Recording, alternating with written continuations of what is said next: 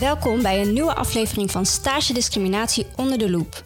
Een podcastserie over stage discriminatie in het hoger onderwijs, waarin verschillende gasten vanuit verschillende invalshoeken dit belangrijke, maar ook complexe vraagstuk zullen bespreken. Het doel van deze podcast is om meer inzichten te krijgen in de specifieke context van studenten, hoger onderwijsinstellingen en werkgevers en wat we hiervan kunnen leren voor een gezamenlijke aanpak. Mijn naam is Pravini Baburam en ik ben de host van deze podcast. En in deze aflevering staan we stil bij de ervaringen van instellingen om stagediscriminatie tegen te gaan en een effectieve aanpak te ontwikkelen. En dat doe ik met drie gasten van drie verschillende instellingen die ik graag aan jullie voorstel. Ik begin bij Cindy Warmerdam, projectleider stagediscriminatie bij de Hogeschool van Amsterdam. Welkom Cindy. Dankjewel. Wil je nog iets toevoegen aan je introductie? Um, ik denk, volgens mij heb je wel... Dit is een van de projecten die ik trek. Dus ik ben uh, wel veel bezig met projecten omtrent uh, sociale veiligheid en inclusie. En dit is er één van. Mooi. Fijn dat je er bent. Dank je. Uh, William Sanchez, Diversity Officer bij Saxion. Hallo, goedemiddag. Welkom. Ja. Wil jij nog iets toevoegen aan je introductie? Ja, mijn rol als Diversity Officer bij Saxion is niet alleen voor de Nederlandse studenten, maar ook een belangrijk aspect daarvan is ook uh, uh, mijn vertegenwoordigende rol richting de internationale studenten bij Saxion. Mooi, dus dat is ook echt uh, de bredere diversiteit, begrijp ik. Ja. ja.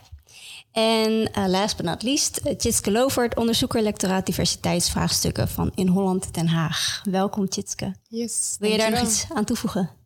Uh, nee, het lectoraat is uh, echt een hogeschoolbreed lectoraat van in Holland. Maar daarnaast ben ik inderdaad ook echt specifiek werkzaam voor de locatie Den Haag. Alright, nou super fijn dat jullie er zijn. En ik uh, ben heel erg benieuwd ook naar jullie ervaringen als het gaat om stagediscriminatie. En laten we bij het begin beginnen. wat is voor jullie de aanleiding geweest om een aanpak tegen stagediscriminatie te ontwikkelen? Wie wil het ijs breken? Ja, ik denk dat jullie een van de eerste waren in Den Haag die toch wel een soort van zonder echt het bestaan, zeg maar het manifest uh, tegen stagediscriminatie was er nog niet. Um, dus jullie zijn denk ik al iets daarop vooruit aan het lopen.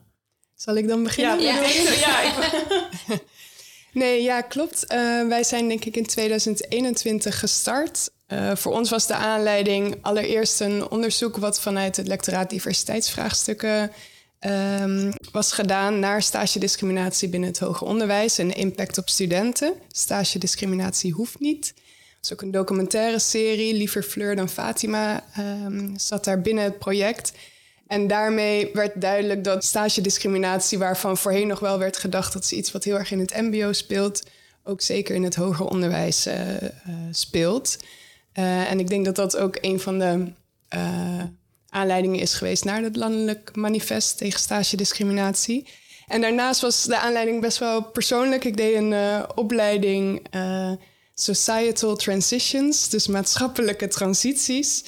En daar moest ik een um, casus uh, inbrengen. En ja, ik had voor dit onderwerp gekozen omdat het gewoon speelt. ik zou er ook iets mee kunnen doen vanuit de locatie Den Haag. En um, ja, dat is voor, voor mij ook de aanleiding geweest. Daar heb ik ook iemand ontmoet van een ontwerperscollectief, Idiotes. En we zijn eigenlijk samen uh, ja, dit project gestart met de gemeente Den Haag. Mooi. En om nog even bij jou te blijven, Tjiske. Uh, je gaf ook aan hè, dat jullie dit oppakten toen er eigenlijk nog heel weinig aandacht was in het maatschappelijk debat ervoor. Ook, ik denk, weinig politieke aandacht.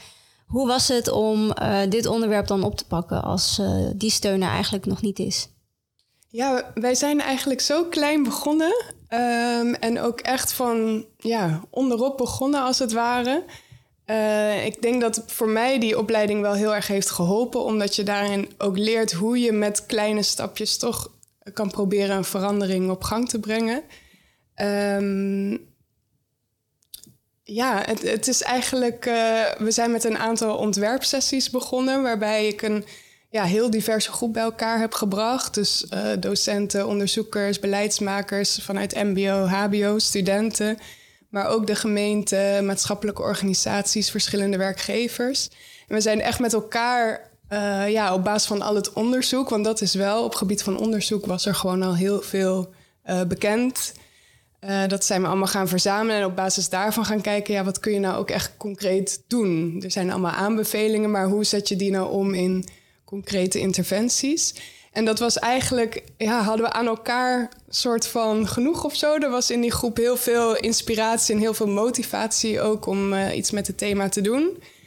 En pas later zijn we eigenlijk meer um, ja, andere lagen daarbij gaan betrekken. En het heeft natuurlijk wel enorm geholpen dat, dat er ook maatschappelijk steeds meer aandacht voor kwam. Ja. Dat zeker. Mooi, dus om hem even samen te vatten, begint eigenlijk bij jouw eigen opleiding. Ja. dus klein, uh, vervolgens zoek je mensen bij elkaar die energie hebben op het thema. Um, en met de data die er zijn al over stagediscriminatie, eigenlijk toen naar de vraag hoe kunnen we van de aanbevelingen toe naar een aanpak. Ja, en verschillende stakeholders bij elkaar brengen om daar met elkaar een, uh, iets op te ontwikkelen. Ja, zeker. Heel mooi. Uh, Cindy, ik ga dan even naar jou, want jij gaf ook aan dat er um, uh, juist vanwege dat manifest ook, hè, wat uh, bij jullie. Ja, precies. Ja. En misschien voor de, voor de luisteraars die niet bekend zijn met het manifest, kan je daar ook wat meer over vertellen. En ook hoe dat ja. ja op de HVA-beweging heeft uh, ja. Nou, ik denk wel dat het goed is om aan te geven dat er was wel beweging, maar onder de radar. Dus bij docenten, stagebegeleiders, stagecoördinatoren die wel al heel erg open stonden voor het thema, um, heel erg de gesprekken daar al over aangingen die hadden natuurlijk het heel erg al in het vizier. Dus um, er was alleen vanuit hogerhand of vanuit um, ja, bestuurlijk of HVA breed, denk ik gewoon nog niet echt aandacht voor. Dus zeker na het tekenen van het manifest tegen staatsdiscriminatie in um, juli 22 is het zeker hoger op de bestuurlijke agenda gekomen. Wij hebben nu ook uh, middelen vanuit het bestuursakkoord, dus vanuit OCW, Waardoor we uh, hebben gezegd: oké, we hebben dat manifest getekend. Maar dat betekent natuurlijk niet dat je dan uh, dat het dan gelijk handen en voeten krijgt. Dus daardoor hebben we geld kunnen allokeren, zeg maar, om formatie vrij te maken. Daarom ben ik er. en zijn er ook nog andere collega's binnen onze faculteiten. Dat heet bij elke hogeschool natuurlijk ook weer anders. Maar um, wij hebben zeven faculteiten binnen de HVA. En um, die hebben allemaal een kleine aanstelling om te helpen. Um, maar dat manifest heeft dat echt wel aangezwengeld. Ja. Mooi, en ik begrijp dat, uh, uh, dat er dus al heel veel beweging is. En dat hoor ik eigenlijk ook bij Chitske. Er is zeg maar bottom-up gebeurt te veel. Maar om echt nog uh, een slag te maken, heb je die bestuurlijke backing nodig. Ja. En heeft dat maatschappelijk debat daar heel erg bij geholpen. En specifiek ook ja. dat manifest. Mooi. Ja, zeker. Ja. ja, dus ik zie daarin wel echt een shift, uh, ja, het onderstreept het gewoon nog even. En daardoor hoger, het staat hoger bij de bestuurders op de agenda. En dus bespreken zij het ook. Ja. Weet je? En uh, hoef je het niet alleen maar zelf te agenderen, maar gebeurt dat ook van bovenaf. Ja, mooi. Uh, William, hoe, hoe is dat bij jullie gegaan? Ja, net zoals bij ons. We zijn eigenlijk al vanuit een brede agenda begonnen bij Saxion. ongeveer tien jaar geleden waren wij bezig met onderzoek van hoe kunnen wij de positie van studenten met een niet-westerse achtergrond te bevorderen binnen Saxion. Dat heeft geleid tot een onderzoek binnen het communische programma van de NWO. Waarin we gekeken hebben van wat zou kunnen doen in termen van uh, onderzoek naar rolmodellen, studentenvertegenwoordiging en natuurlijk dingen zoals stagediscriminatie en de rol van ouders daarin. En dat heeft uh, in ons geval geleid tot een, gezamenlijk project met uh, ECHO rondom het Students for Students project. En wat nog een beetje doorloopt op dit moment. En dat heeft echt ook een zwengel gegeven aan uh, een programma, een, een werkplan en, en, een projectleider binnen ons. Om, om dit echt uh, binnen niet alleen uh, de studenten, maar ook tussen de docenten, maar ook binnen centrale diensten als onderwerp te brengen. En met de komst ook van het manifest was de bestuurlijke aandacht die er ook was nog extra benadrukt. Wat dus echt belangrijk om te zien van niet alleen Saxion daarmee bezig is, maar ook echt het totaal onderwijsveld. Het is net verantwoordelijk niet alleen van ons, maar echt ook van onze partners in de maatschappij, de bedrijven. Dat is echt een extra punt dat erbij gekomen is. Ja, mooi. En ik hoor ook echt wel, uh, ook uh, zowel bij jou William als bij Cindy, dat het, dat aspect van middelen ook zo belangrijk is. Je moet natuurlijk de tijd, de mensen en inderdaad ook financiële middelen hebben om een aanpak te kunnen ontwikkelen. Ik ga even naar jou, Tjitske, want hoe, hoe was het bij jullie? Want jullie zijn bottom begonnen, maar hoe, ja, hoe, hoe gingen jullie om met die middelenvraag? Ja, ik herken hem uh, heel erg. Wij zijn gestart met een subsidie van de gemeente Den Haag. dus zo hebben we ook die ontwerpsessies kunnen, kunnen starten. Maar de inzet van de mensen, het netwerk is enorm gegroeid. dus vanuit de verschillende onderwijsinstellingen in Den Haag, maar ook, nou, wat ik zei, maatschappelijke organisaties in de stad of daarbuiten. Ehm, maar ook verschillende werkgevers. Eigenlijk al die mensen deden dat toch ook vanuit een persoonlijke uh, motivatie. En um, ja, het is voor ons toch ook elk jaar wel weer kijken van... oké, het jaar is voorbij, we moeten eigenlijk weer een nieuwe subsidie. En gelukkig, ja, we zijn heel blij met de steun van de gemeente Den Haag. Uh, en die zien ook nou ja, wat het oplevert en wat het doet. Um, maar toch is het elke keer weer spannend of, uh, of we echt op dezelfde manier verder kunnen. Dus als ik inderdaad van Cindy hoor dat ook bij, bij de verschillende faculteiten mensen gefaciliteerd worden. Bij ons zijn er wel een aantal mensen die gelukkig inmiddels gefaciliteerd worden, maar ook een aantal nog steeds uh, niet. Uh, ja, ik denk dat dat wel heel belangrijk is. En ook wat je net zei, ook heel herkenbaar van ja, je hebt al die lagen nodig dus bottom-up is heel mooi, maar uiteindelijk ja, heb je toch het bestuur, directeuren, managers, teamleiders uh, nodig die, die snappen van uh, we moeten hier iets mee. Ja. ja, en dit zijn denk ik ook belangrijke randvoorwaarden hè, die we nu bespreken. En ik bedoel, een van de eerste punten die aan bod komt is de vraag naar middelen. Dus dat is altijd een grote bottleneck. Maar ik zou ook graag uh, wat meer op de inhoud willen inzoomen. Ik ben ook erg benieuwd hoe die aanpak nou, nou precies eruit ziet, hoe dat vorm heeft gekregen. En ook uh, wat jullie al uh, kunnen delen met, uh, met ons over ja, hè, inzichten die naar boven zijn gekomen, uitdagingen, successen. Um, William, mag ik bij jou beginnen? Kan je iets meer vertellen over hoe jullie aanpak stage discriminatie eruit ziet? Jazeker. We hebben in ieder geval, als je kijkt over de jaren heen, twee soorten aanpakken die wij echt met trots kunnen uitdragen. Eén is het vergroten van de studentenvertegenwoordiging en betrokkenheid van studenten hierbij. Want het begint en eindigt ook bij de student zelf. Hè. Zij ervaren stage discriminatie. Dus onze aanpak is om te proberen ook gewoon uh, één, uh, preventie. Om te voorkomen dat zij in ieder geval in zo'n situatie te komen. Twee, als het zover voorkomt, om het bespreekbaar te maken. En derde, natuurlijk alle hulplijnen in stelling brengen die er nodig zijn. Vanuit zeg maar, de decanen, stagebegeleiders en zelfs tot eventueel gesprekken tussen teammanagers en bedrijven. Dat is één aanpak wat in ieder geval blijft lastig. Blijf iedere keer kijken van wat is nodig vanuit de student.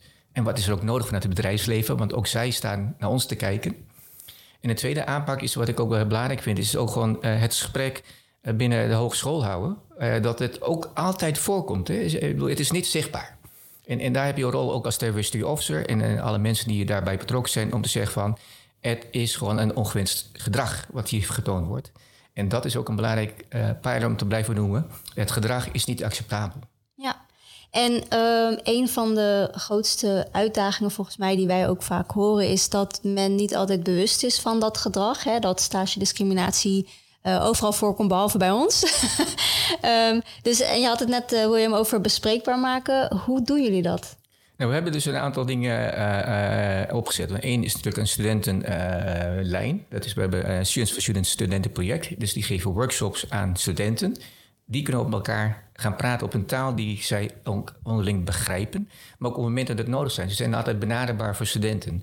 Al is het een vermeend vorm, zijn deze studenten bereikbaar. Wordt het uh, wat lastiger of hebben ze er echt wat meer officieel of, of wat meer gewicht nodig, dan kom ik in stelling als diversity officer. En dan ben ik zeg maar de, de tussenlijn tussen de student en de officiële behandelingslijnen. Uh, de officiële lijn is er echt melding van maken. En ook dat, dan ben je echt wel heel ver mocht je een melding willen maken. Dus wij proberen dus te voorkomen dat zover komt. En als het moet, dan gaan we opschalen. Ja, precies. Dus als ik je goed begrijp, um, is uh, er een hele um, uh, duidelijke en laagdrempelige lijn voor studenten om, het, uh, om de ervaringen te delen. Want dat is volgens mij ook een van de grote uitdagingen als het gaat om stage discriminatie. Ja, als, als je discriminatie ervaart en je gaat het melden, wordt het meteen iets heel groots. Um, en dat kan natuurlijk ook weer afschrikken om het uh, te melden. Uh, maar als ik je goed begrijp, uh, hebben jullie eigenlijk studenten die benaderbaar zijn om het te bespreken.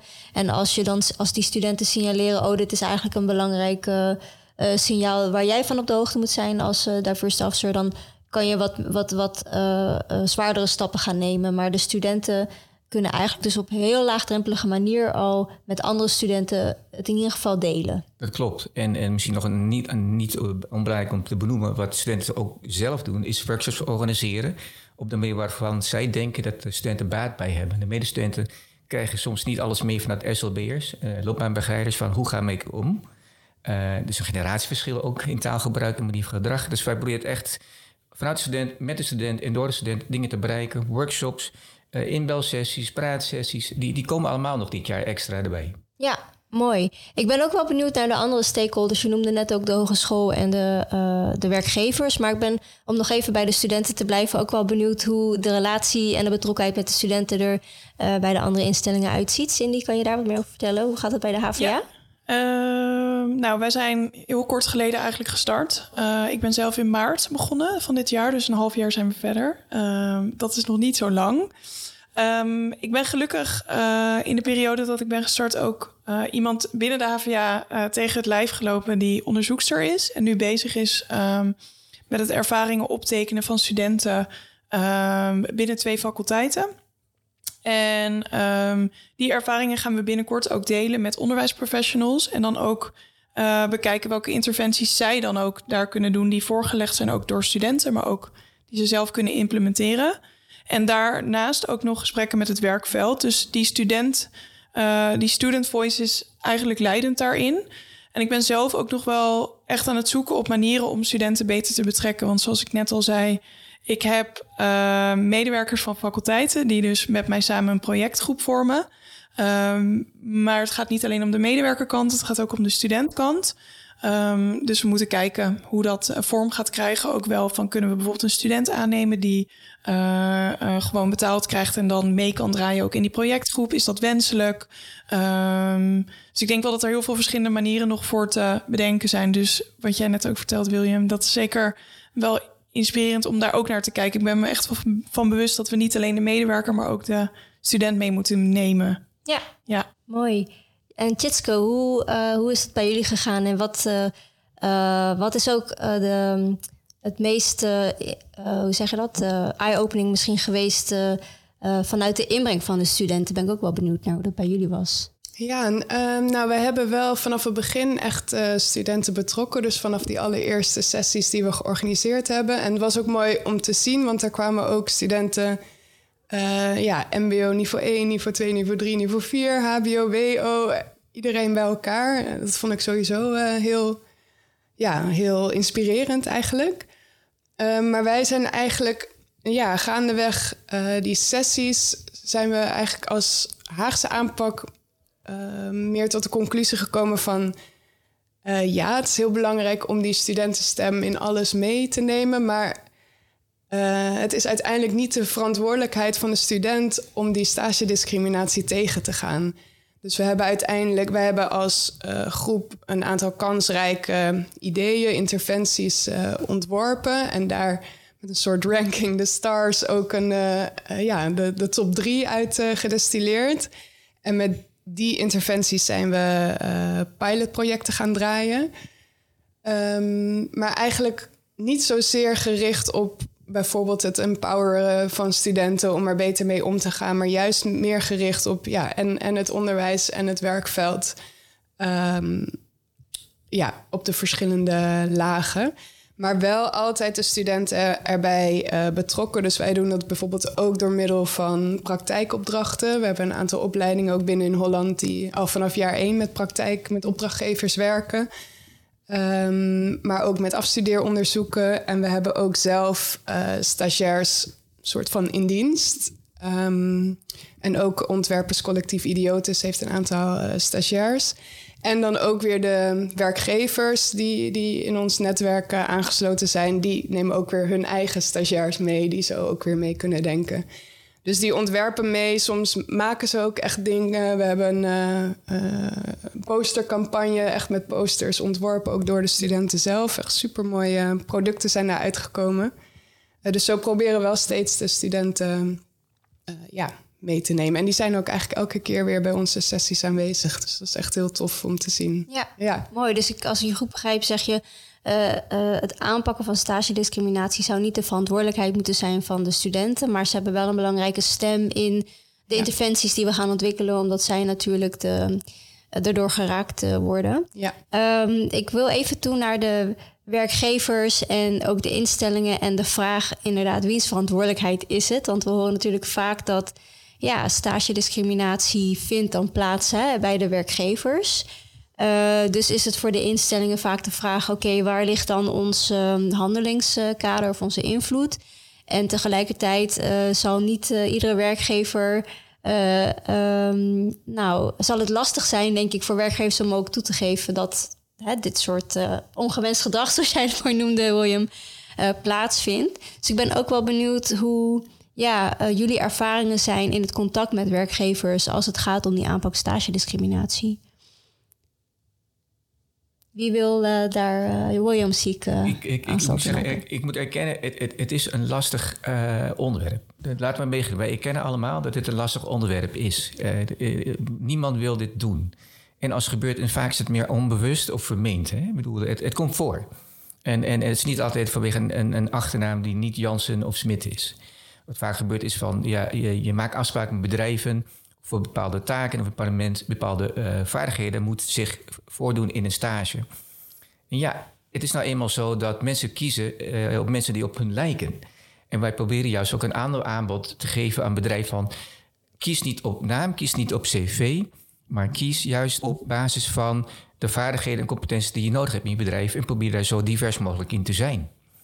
En als iets, iets voorkomt, ja, vaak weten we dat niet, hè, als het even is over centraal, omdat het vaak gehuld wordt in uh, uh, veiligheid van het is een gesprek tussen bedrijf, uh, student en docent. Het wordt pas zichtbaar als het echt escaleert. En, en zolang het niet zover is, dan ben ik heel blij, dan is het opgelost op een heel leuke, vriendelijke en misschien ook draagbare manier. En ik moet zeggen, ik heb geen toegang tot de gegevens, ik weet niet in hoeverre iets geëscaleerd is ooit. Ja, maar het blijft een, een, een voortdurend gesprek. Ja. Cindy? Ja, ik denk dat je ook um, uh, samen met de stagebegeleiders, degene die ook daadwerkelijk de contact hebben met uh, die stage, stagebedrijven of de werkgevers, ook die um, ja, een handelingskader moet geven van hoe ga je nou deze lastige gesprekken aan? Want heel vaak is het gewoon niet zo zwart-wit.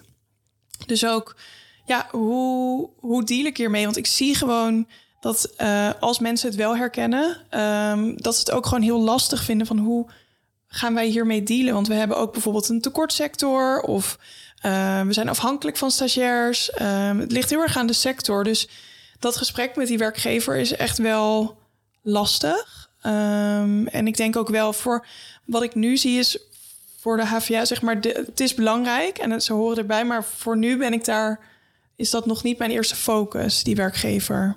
Ja, dus je bent vooral ehm. bezig met binnen de hogeschool interventies ontwikkelen, ja, ik. Um, die projectgroep is eigenlijk nog maar net opgestart. Ja. Dus je wil eigenlijk eerst dat daar een lekkere, lekkere basis staat, zodat je goed met elkaar praat. We hebben het over dezelfde dingen, dus we zitten heel erg nog in een soort kadervorming. Ja. Um, en ophalen, wat gebeurt er nou? Um, dus dat werkgevergesprek is zeker een focus, maar nu voelt dat heel ver nog. Ja. Of heel ver. Het, het komt eraan, maar nu nog niet, zeg ja. maar. Nee, snap ik. Uh, hoe is dat bij jullie? Ja, bij ons, we hebben dus wel vanaf het begin echt geprobeerd dat werkveld te betrekken. Uh, en we hadden ook bijvoorbeeld Rabobank, grote welzijnsorganisatie, aantal ondernemers ook al bij die eerste sessies uh, aanwezig. Maar ook voor ons is het uh, soms nog wel een zoektocht van hoe je ja, die stagebedrijven het beste kan betrekken en kan bereiken. Um, het landelijk manifest is natuurlijk ondertekend, uh, ook door VNO-NCW, uh, eh, MKB. Wij hebben uiteindelijk uh, in Den Haag ook nog een Haagse vertaling gemaakt van het manifest naar een Haags manifest, gelijke stagekansen, waarbij ook VNO-NCW Den Haag en MKB Den Haag hebben ondertekend. In de hoop dat we nou ja, hun leden op die manier ook beter weten te bereiken. Um, en ja, verschillende uh, manieren. We werken bijvoorbeeld ook samen met uh, Critical Mass. Dat is een stichting die VR-experiences uh, heeft. Dus we zijn nu ook aan het kijken of we dat soort sessies ook samen met het werkveld kunnen doen. Of gezamenlijk van een opleiding met de eigen stagebedrijf. Om ook inderdaad dat gesprek en die drempel tot gesprek over het thema ook verder te verlagen. Um, maar ja, het, het blijft wel een zoektocht. Uh, het is voor bedrijven ook niet altijd eerste prioriteit, of het is een van de vele dingen die moeten uh, gebeuren. Uh, maar wij proberen wel ook het een beetje, ze een beetje te verleiden, als het ware. dus, nou ja, mede dankzij, ja. ja. mede dankzij idioten. Die zijn ook gewoon super goed in design. Dus de dingen zien er mooi uit. We hebben. Mm uh, nou ja, een gelijke kansen spel ontwikkeld. Uh, wat we nu ook aan het vertalen zijn, echt specifiek naar werkgevers en ondernemers. Om dat gesprek uh, aan te gaan, ook binnen de eigen organisatie. Um, dus we proberen ook, ja, het klinkt een beetje gek, maar toch op een soort van positieve manier. Ja. Werkgevers zover te krijgen. En ook wel ja, voor hen de meerwaarde van meer divers talent. Um, ja, zeker nu, nou ja, tekort sectoren met de krapte op de arbeidsmarkt. Uh, nou ja, hopen we dat ook die maatschappelijke ontwikkeling helpt om uh, ze nog wat verder uh, ja. te brengen. Nou ja, dat is heel erg uh, herkenbaar. Of William, jij wilde volgens mij nog wat zeggen. Ja, om even in te spelen op de tekortsectoren... of in ieder geval de, de, de urgentie wat nu komt vanuit de krapte, krapte op de arbeidsmarkt... Wat wij in ieder geval bij Saxion proberen uit te stralen naar de werkgevers is van het is niet alleen een ding van Saxion. Nee. Uh, wij werken heel veel met de ROC van Twente. Eh, met uh, de Universiteit van Twente en de ROC's in de campussen waar we zijn. Om te laten zien van het is wel een item wat belangrijk is voor de hele onderwijslagen. niet alleen maar van een hogeschool. En daarmee zeggen we tegen de bedrijfsleven of onze werkgevers. Je komt met ons op allerlei manieren in contact. Het is dus een moment om samen, echt samen, naar te kijken. En te verleiden en, en ook samen te bedenken van hoe kun je het anders doen. Uh, we hebben ook zo'n spel uh, gedaan, mensen, bij een World Café van hoe kom je het hem tegen, hoe herken je dat en wat ga je aan het doen? En er kwamen zoveel mooie dingen naar boven waarvan zij zegt: Oké, dat gaan we morgen doen. Al was het alleen maar om te zeggen: van we gaan een sessie stagesdiscriminatie houden bij ons in eigen bedrijf. Ja. Daar ben ik al heel blij mee. Ja, mooi. Ik uh, wilde eigenlijk nog um, een ander zijweggetje nemen, omdat jullie allemaal eigenlijk ook de link maken met diversiteit en inclusie. En ik hoor jullie ook zeggen van goh, het gaat niet alleen om uh, uh, stagediscriminatie als een geïsoleerd iets, maar ja, als je het plaatst in de context van gelijke kansen en van hoe creëer je meer inclusieve hogeschool en uh, werkgever, uh, dan, dan heb je een ander soort gesprek dan alleen maar een soort van beschuldigende vinger van ongewenst gedrag. Ja, dit brengt mij dus ook bij de vraag hoe stagediscriminatie verbonden is, wel of niet, aan een groter diversiteits- en inclusiebeleid. Juist ook omdat stagediscriminatie uh, gaat over kansengelijkheid en hoe creëer je hè, een inclusieve uh, werk- en leeromgeving. Dus ik ben ook wel benieuwd uh, ja, hoe jullie die relatie zien en hoe dat gesprek ook wordt gevoerd binnen de hogeschool.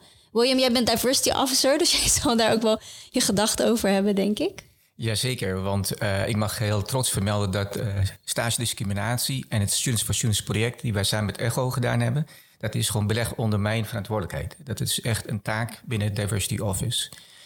Maar de grotere uitdaging die uh, nu komt, ook gezien de allerlei ontwikkelingen uh, binnen het onderwijs, is uh, het onderwerp stage discriminatie te verbinden met dingen zoals studentenwelzijn en studentenbinding. Want iemand die gediscrimineerd is op stage of buiten de hogeschool, loopt met een bepaald gevoel van onwelzijn. En dat gaat zich doorvertalen in het onderwijs. En onze taak om in ieder geval dat te signaleren en te doorgrond van waar dat komt. En het tweede is wat wij ook al eerder hebben gezegd de strijd, of het strijd, ja, laten we zeggen, het tekort op de arbeidsmarkt. We hebben alle talenten nodig die er zijn. En, en het is niks anders dan, we moeten alle studenten binden aan het onderwijs en het bedrijfsleven door te zeggen, je bent overal welkom, ongeacht waar je vandaan komt, hoe je heet en wat je ook bij je hebt. Je bent gewoon altijd welkom. Ja. En zo gaan we ernaar kijken. Ja, ik ben heel blij ook dat je dit uh, aankaart, William. Want wat ik jou ook hoor zeggen is dat stage discriminatie kan heel snel gelinkt worden aan uh, het gevoel en de beleving van een student op de stageplek. Maar dat neemt een student natuurlijk mee naar de instelling en naar iedere dag opnieuw uh, in een instelling rondlopen die daar eigenlijk geen actie op onderneemt. En dat heeft natuurlijk ook effect op hoe een student zich voelt en uiteindelijk dus ook op de studieprestaties, kan ik me zo voorstellen. Dat klopt helemaal. Ja, ja dus goed om, om daar inderdaad bewust van te zijn. Uh, Tjitske, wil jij daar nog iets over zeggen? Um, ja, nou ja, die herken ik sowieso. Uh, we zijn ook nog steeds ook intern bezig met onderzoeken op gebied van stage discriminatie. En als je studenten spreekt, ook al weten ze niet eens zeker of er wel of niet sprake is geweest van discriminatie, maar die mogelijkheid en die ervaring, impact op studenten, zeg maar één verhaal is al zo, ja, komt al zo binnen dan. Um, en zeker als je dan naar de cijfers kijkt uit onderzoek, dan ja, dan is die impact heel groot op welzijn, inderdaad op studie uh, succes. En ik, ik denk ook wel dat stage discriminatie een soort, dat er een soort um, kans is in die zin om. Het is een heel concreet onderwerp. waar je mee aan de slag kan. En soms is het ook een ja, opening voor een wat breder gesprek over verschillende diversiteits- of inclusievraagstukken. Uh, en ook bepaalde vraagstukken die misschien wat gevoeliger liggen. Um, ja, kan het toch een aanleiding zijn om daarover uh, in gesprek te gaan. Ja, ja, mooi. Cindy, wil jij daar nog iets over zeggen? Ja, nou, ik herken ook wel de, de dingen die jullie net noemen, maar ook wel dat het um, zeker onderdeel is van een groter verhaal. Ook als ik kijk naar um, alles linkt met elkaar, ook met welzijn, ook met veiligheid binnen en buiten de school, dus ook op de stageplek. En ik zie gewoon vooral ook stage discriminatie ook wel inderdaad echt als, uh, hoe verdrietig het ook is, wel echt als een kans ook om heel veel dingen uh, ook wel bloot te leggen, omdat het nu zo, uh, ja, uh, verborgen, omdat het bijna niet in cijfers binnen de instelling te vatten is, behalve de landelijke cijfers. Ook wel om met elkaar het gesprek aan te gaan en ook voor, niet alleen voor de student, maar ook voor de medewerker van Um, hoe ga ik dit soort gesprekken aan? Uh, gevoelige en kwetsbare gesprekken. Hoe kan ik mezelf daar veel beter in trainen? En dat raakt ook weer aan het hele palet. Dus uh, van diversiteit en inclusie. Dus zeker gaat het breder dan alleen. Dus het is een mooie thema. aanzet voor het gesprek zeker. over inclusie. Ja. ja. Mooi. Uh, ik ben ook wel benieuwd naar de, ja, hoe jullie naar de toekomst kijken. En jullie zitten nu natuurlijk in een aanpak. Um, ben ook wel benieuwd, en dat is dan eigenlijk ook wel de laatste vraag uh, aan jullie uh, voordat we afronden. Hoe jullie ook, en ook specifiek vanuit de rol van de hogeschool, want we hebben het gehad over studenten, we hebben het gehad over werkgevers, maar uiteindelijk zitten jullie natuurlijk op een hogeschool en is daar ook jullie invloedssfeer. Um, ja, hoe kijken jullie naar de rol van de hogeschool en wat hopen jullie ook voor de toekomst als het gaat om stagediscriminatie?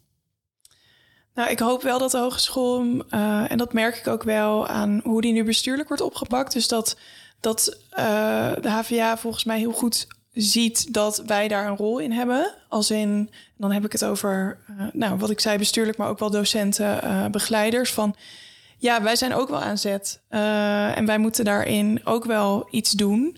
Um, ik ben even je vraag kwijt.